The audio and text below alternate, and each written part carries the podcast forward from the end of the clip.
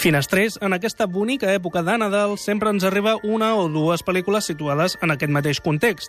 De moment ja n'hem vist una de terror nadalenc, la divertidíssima Krampus, i el dia 25 mateix s'estrena la típica comèdia de família disfuncional que es reuneix per celebrar el Nadal.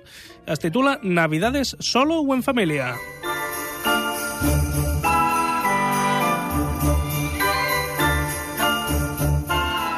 La veritat és que la paraula solo i el Nadal m'han recordat irremeiablement a una altra comèdia nadalenca que va marcar tota una generació amb el seu èxit. Parlem, clar, de Solo en casa. Estoy aquí arriba. Venid a buscarme.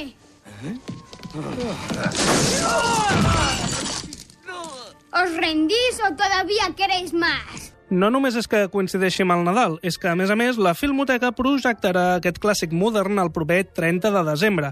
Vaja, excuses de sobre per dedicar-li a Solo en casa... La dada de la finestra.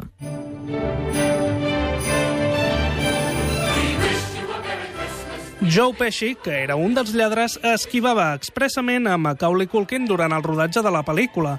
Volia que el veiés com una persona desagradable per millorar la seva interpretació. Per cert, la frase que hem sentit de us rendiu o encara en voleu més va ser improvisada per Macaulay Culkin. A Daniel Stern, que era l'altre lladre, li col·locaven una taràntula a la cara en un moment de la pel·lícula. Va acceptar fer-ho només un cop i va haver de fer veure que cridava, ja que si hagués cridat de veritat podria haver espantat a l'aranya. El crit es va doblar després. Macaulay Culkin va fer servir un doble de mans per les escenes en què tocava l'aranya. El mapa de la casa amb les seves respectives trampes va ser dibuixat pel mateix Macaulay Culkin. Va entrar al llibre Guinness dels rècords com la comèdia més vista de la història.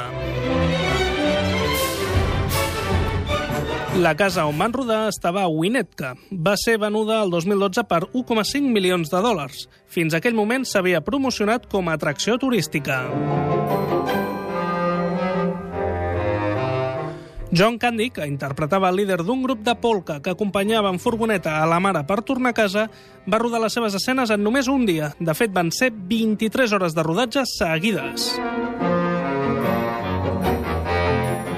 L'escena en què Kevin intenta comprar un raspall de dents i acaba robant-lo va ser la primera de tot el rodatge.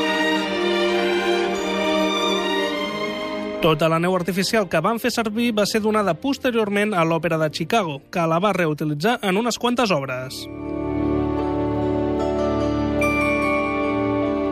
En les primeres escenes de la pel·lícula enfocaven a Macaulay Culkin des de dalt, per fer-lo semblar petit i indefens. Eren les escenes finals on l'enfoquen des de baix, perquè semblés més alt i poderós. Malgrat que Kevin es passa gairebé tot el film a casa seva, no entrem ni una vegada a la seva habitació. A la primera nit dorm castigat a les golfes i la resta del film dorm a l'habitació dels seus pares. Només el veiem entrar a l'habitació del seu germà gran, Bas, per robar-li diners i petards. La famosa portada de la pel·lícula amb Kevin posant-se les mans a les galtes és un homenatge al crit d'Edward Munch. Doncs, finestrers, parem aquí i recordeu que si voleu comprovar si és veritat que Kevin no entra ni un sol cop a la seva habitació, haureu d'anar a la Filmoteca de Catalunya el proper 30 de desembre.